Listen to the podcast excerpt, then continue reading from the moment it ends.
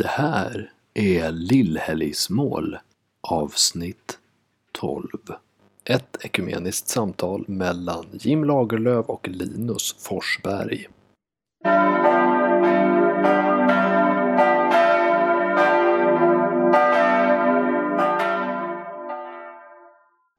Hjärtinnerligt välkommen som du Jim brukar säga, men nu tänkte jag att även jag låter mig inspireras av detta uttryck.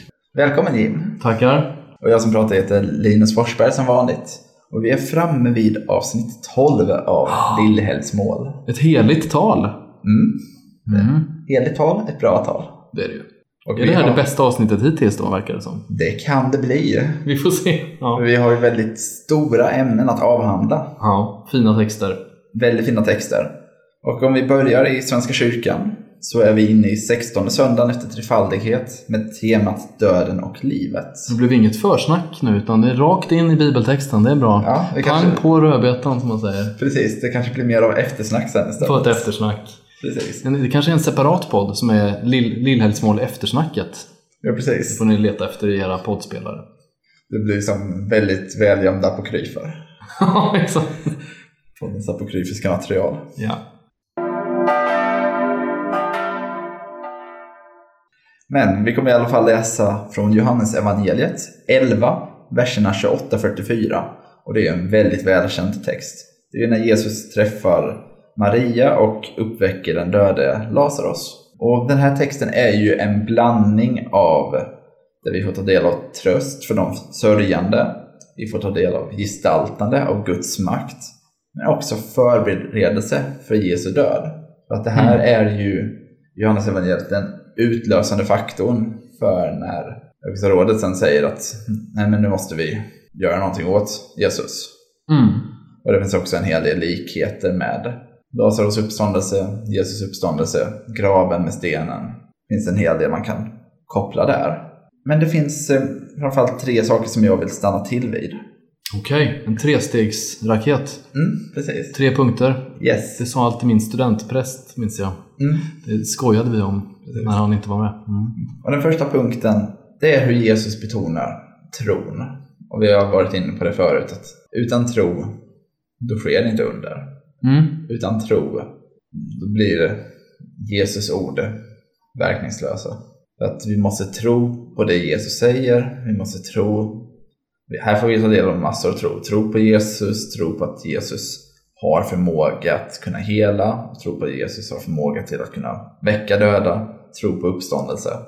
Allt det här betonar Jesus att tron, det är kärnan. Det är Mm. ganska kort ord, men det är kanske ett av de största orden ändå.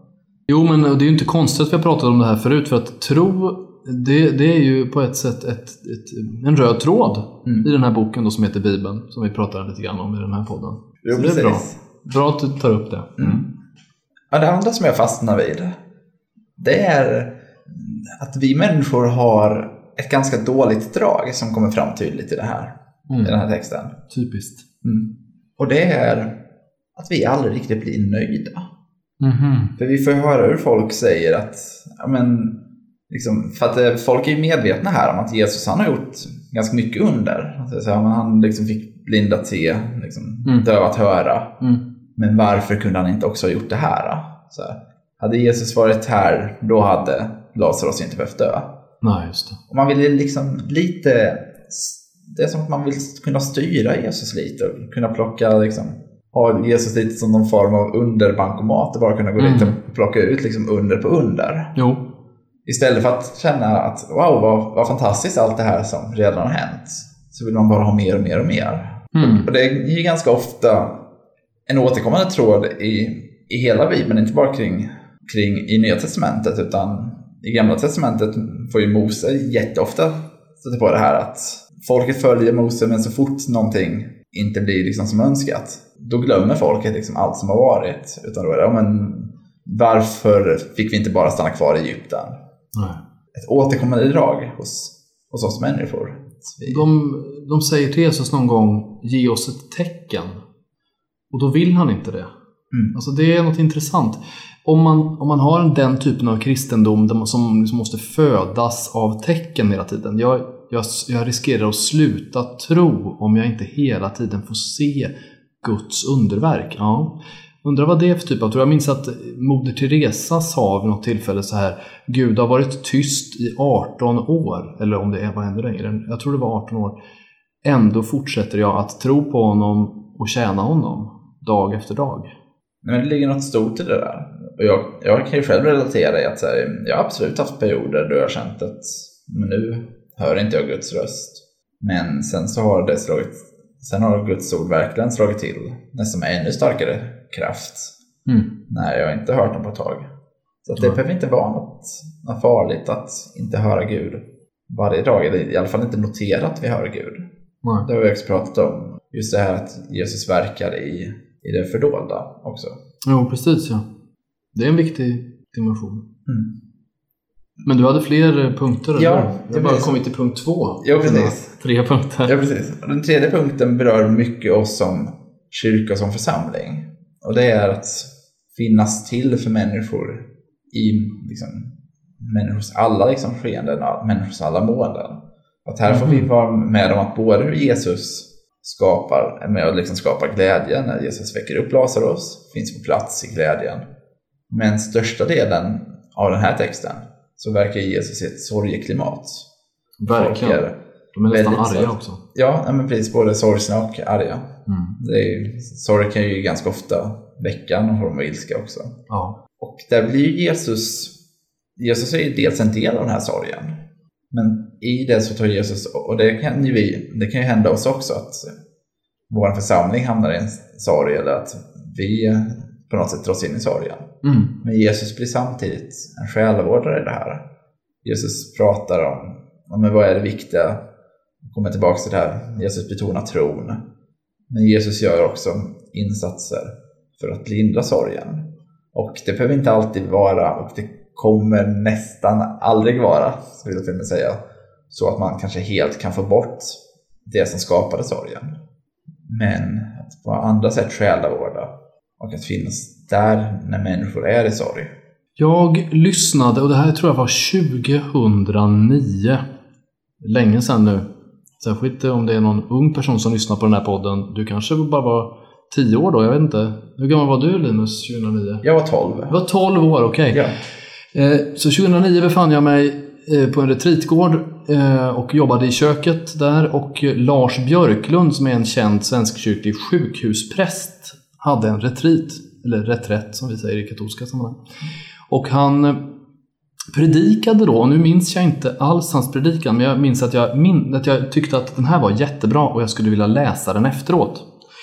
Jag tror att han pratade mycket om det här med att stanna. Bara, bara gör dig tillgänglig för den som är sörjande. Du behöver inte komma med massa tröstande ord. Du behöver inte försöka lösa ett problem. Du behöver bara vara närvarande i det jobbiga. Han formulerade det på ett bra sätt så jag tänkte så här, eh, kan jag få läsa efteråt? Så jag sökte upp honom och sa, din predikan, kan jag få läsa den? Ja, sa han. Ge mig din e-postadress så skickar jag den till dig. Det gjorde han inte. Han glömde kanske bort det. Det var mycket, många som dog kanske på sjukhuset där han jobbade. Jag vet inte mycket som hände. Så jag mejlade honom några veckor senare och sa Hej Lars! Ge mig nu din predikan som du sa att du skulle skicka. Och så svarade han på det Ja, det kommer jag att göra. Jag kommer att göra det.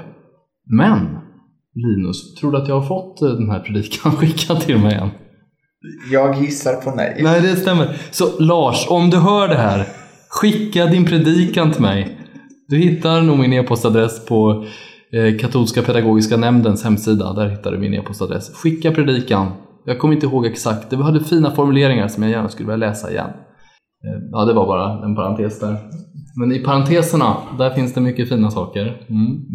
Jag blev ganska berörd och påmind av en grej när du sa det här om att man inte alltid behöver ha de rätta orden eller säga någonting utan bara Mm. vara tillgänglig. Mm. Att jag minns att mitt allra första besök med sjukhuskyrkan, det var det att eh, det var egentligen inte att, det var inte att jag låg på sjukhus eller någon jag kände låg på det sjukhuset, men jag hade en vän som eh, hade som skulle begravas eh, uppe i Umeå och jag hade Mm. inte möjlighet att ta mig dit. Ja.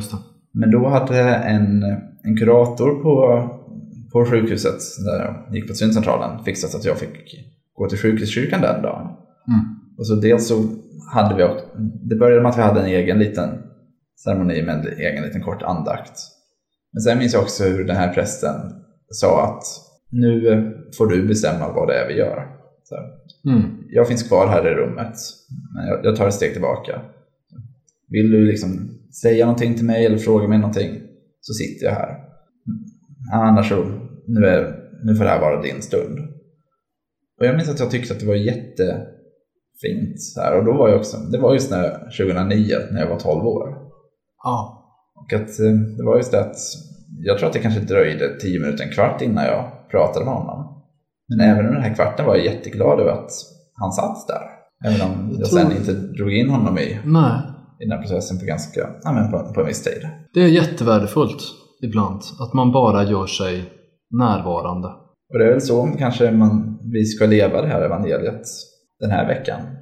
I den mån vi kan vara närvarande.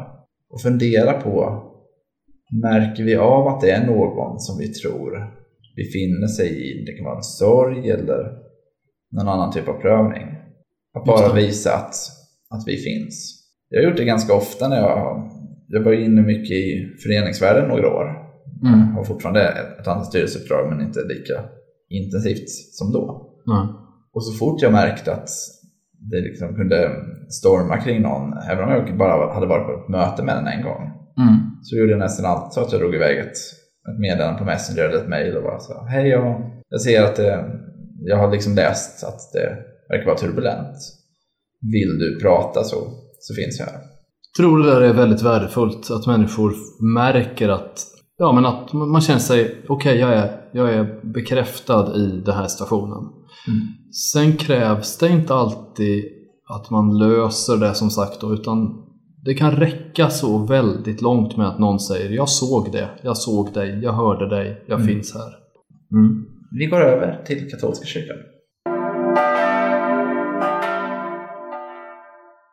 Vi sitter ju faktiskt i katolska kyrkans lokaler Mm. Så det är här i Uppsala. kort steg att ta. Ja. Nära till hands. Ehm, och på söndag så fortsätter vi med Markus evangelium och vi har kommit nu till en passage i nionde kapitlet där det blir en diskussion lärjungarna emellan där de funderar på vem som är störst bland dem. Vem som är den främste. Och det är ju sånt som människor verkligen gillar att diskutera. Vem är bäst? Vem är störst? Vem är vackrast? Det finns ju till och med en podd som Mauri, han den här killen som heter, som har Uppdrag Mat Mm. på Youtube. Han har en podd där han intervjuar den som är bäst i Sverige på någonting eller liknande. Så vi är, vi är ju fascinerade av det. Vem är, vem är bäst? Vem är störst? Vem är starkast? Ja, precis. Vem är duktigast? Guinness rekordbok har ju sålt Precis. mängder med resultat. Ja, men Eller absolut. resultat, mängder av exemplar. Ja men exakt, och det, jag tror vi är fascinerade av det. Och jag är också mycket på orden idag. Jag råkade säga intryck Ja. istället för uttryck. Sa tröttheten som har kommit resultat istället för exemplar. Ja, Ja. Nej, men exakt. Det är studierna. Jo, precis. Mm. Kan du ändå rekommendera studier? Blir man väldigt trött av att studera? Eh, lite trött kan man bli, men rekommenderar det alla dagar i veckan. Ja. ja, det har faktiskt jag med. Jag har haft väldigt kul när jag har studerat. Mm. Men tillbaks till... Tillbaka eh, till Jesus då, som är huvudpersonen. Även om han inte... Hans röst hörs inte så mycket i den här podden, men han är ändå huvudpersonen. Ja. En ödmjuk person. Och det är just det där med ödmjukhet som jag tänkte fastna vid. För det är ju då Jesus svar när han hör lärjungarna diskutera det här. Vem är bäst? Vem är störst? Då säger Jesus, den som vill vara minst bland er. Eller han säger väl, den som vill vara störst bland er ska vara minst. Den, den som vill vara störst bland er ska vara de andras tjänare. Och så ger han sig själv som ett exempel på ett annat ställe. Han säger så här, eh, jag har kommit för att betjäna, för att ge mitt liv för mina vänner och sånt där. Så sånt säger han. Så ödmjukhet måste ju ändå räknas som en eh, sak att sträva efter och då kan man ju direkt tänka, vem är ödmjukast? Då kan man ju vända upp och ner på det istället, tänka så. Men det är, det är helt fel, vi behöver inte hålla på så och jämföra. Eh, vi kan glädja oss om vi känner någon som är ödmjuk, för ofta sprider en sån person glädje omkring sig. Mm. Och jag tror att det, det kan man börja med att tänka så här, finns det någon som jag känner som är ödmjuk? Eh, om det gör det, hur, vad är det den gör? Hur, hur, hur är den personen? Varför Varför uppskattar man ödmjuka personer? Eh, och jag tänker på att ödmjuka människor ofta gör, vill att andra ska trivas. Mm. Sen kan det såklart gå för långt att man liksom förnekar sig själv på ett, på ett sätt som är liksom blir destruktivt. Men god ödmjukhet, det, det handlar om att vara sig själv. För jag tror att vi är skapade för att vara ödmjuka. Mm. Och eh, då tänkte jag så här att eh, om man vill öva sig på ödmjukhet, då kanske, okej, okay, det beror lite på vem man är. Vissa människor behöver inte öva sig på att vara ödmjuka, de borde öva sig på att ta mer plats istället och kanske stå upp för sig själva. Det, vissa behöver öva på det. Men eh, vi som är vana vid att prata inför andra och prata mycket och ta mycket plats i olika sammanhang, vi då, hur kan vi öva på att bli mer ödmjuka? Ja, det finns säkert olika sätt. Ett sätt är att eh, inte säga emot. Mm. Det har jag tänkt på. Att liksom avstå från att säga emot någon gång. För ofta vill man det. Man vill säga emot, man vill, eh, man vill ha diskussionen, man vill ha debatten, man tycker det är kul. Särskilt i sociala medier är det många som gillar att säga emot. Eh, men den ödmjuka, den skulle nog kanske inte alltid göra det. Mm. Klart att ibland måste man ju säga sanningen, ibland måste man stå upp. Men, men om det blir det där hela tiden, jag måste alltid, jag måste alltid ta fighten, jag måste alltid stå upp. Nej, eh, då behöver du kanske öva dig på att avstå från det ibland. Att, eh, avstå från att svara, avstå från att säga emot. Det kan faktiskt vara ganska skönt. För man behöver öva sig på ödmjukhet, det är ingenting som kommer automatiskt. Man kanske också måste be om ödmjukhet. Och då brukar Gud göra så tycker jag. När jag ber om ödmjukhet, då brukar Gud ge mig situationer där jag kan öva. Han brukar inte bara förvandla mig till en ödmjuk person, utan han brukar, här kan du få ett bra test. Nu, här kan du testa din ödmjukhet. Nej, men det där tycker jag är väldigt intressant. Jag tror att en viktig del i att träna sig sin ödmjukhet, det tror jag är ju som du säger att man får testa. För nu tror jag att vi verkligen är inne i poddens tidiga linda. När vi pratade om att det hjälper inte att bara säga någonting utan vi måste också fylla med kraft med att faktiskt tro på det vi gör. Mm. Och det tror jag verkligen blir viktigt att få träna. För att om vi bara bestämmer oss för att men nu ska jag vara ödmjuk Mm. och kanske lyckas vara jätteödmjuka utåt. Ja. Men vi är inte ett dugg ödmjuka i våra hjärtan. Utan det blir mer ett drama. Mm. Då har vi inte riktigt uppnått ödmjukheten. Det kan ändå vara vägen till men jag håller med dig. Alltså hjärtat det är det som spelar roll såklart. Gud vill förvandla våra hjärtan innerst inne, absolut. Men vägen till ett förvandlat hjärta kan just vara på något sätt fake it till you make it. Jag, jag minns att jag läste i, eh, det finns ett helgon från, från eh, Frankrike som heter Lilla Therese av Jesusbarnet, eller Therese av Lisieux, eh, ett av mina favorithelgon. Hon berättar i sin dagbok då, som, som blev offentlig när man gjorde eh, helgonförklaringsprocessen. Då berättar hon om en person som är en medsyster i klostret där de bor som hon stör sig på jättemycket. Hon tycker att det finns en person vars löständer skallrar eh, när de, hon sitter bakom lilla Therese i, i, när de ber tillsammans. Mm. Och då hör hon alltid de här löständerna som skallrar, eller som låter väldigt mycket. Och hon stör sig på det. Hon berättar i sin dagbok för Gud om Åh, vad jag störs av den här personens löständer. Men sen bestämmer hon sig för att okej, okay, det ska aldrig, aldrig, aldrig märkas att jag stör mig på det här. Mm. Nu, nu ska jag bara bestämma mig för att jag ska vara den godaste, vänligaste, snällaste mot den här systern då, medsystern. Och när den här dagboken blev offentlig sen då, det var efter hennes död och så, då kunde inte den här kvinnan som det gällde förstå att det var sant. För hon tänkte, det, det kan inte vara möjligt att hon har stört sig på mig. Mm. För hon har alltid varit så härlig och hän, liksom vänlig mot mig och snäll och alltid gett mig ett leende. Så. så att uh, fake it until you make it, till viss del alltså. Men, Mm. men mm, det är både och. Ja, men Både precis. och. Ja, precis. Jag tänker det funkar så länge det just blir till you make it. Det får Ja. inte stanna vid fake it. Just. Nej men det är en bra poäng alltså. Det räcker inte att, att fejka godhet och kärlek. Det gör det inte. Har vi hunnit med allt vi vill säga i det här avsnittet? Nej, men det tror jag. Det har varit eh, stora ämnen. Ja. Men det har som vanligt varit väldigt trevligt att diskutera. Ja, precis. Ja, det var liksom både, både sorg och död och sen lite grann eh, löständer. Mycket sjukdom i det här programmet kanske. Men också en efterlysning av en, Ja. Lars Björklund, passa dig! Nej, en glad 12-årig predikan. ja. Okej, då tackar vi för idag då. Mm, tack så mycket. Stort tack.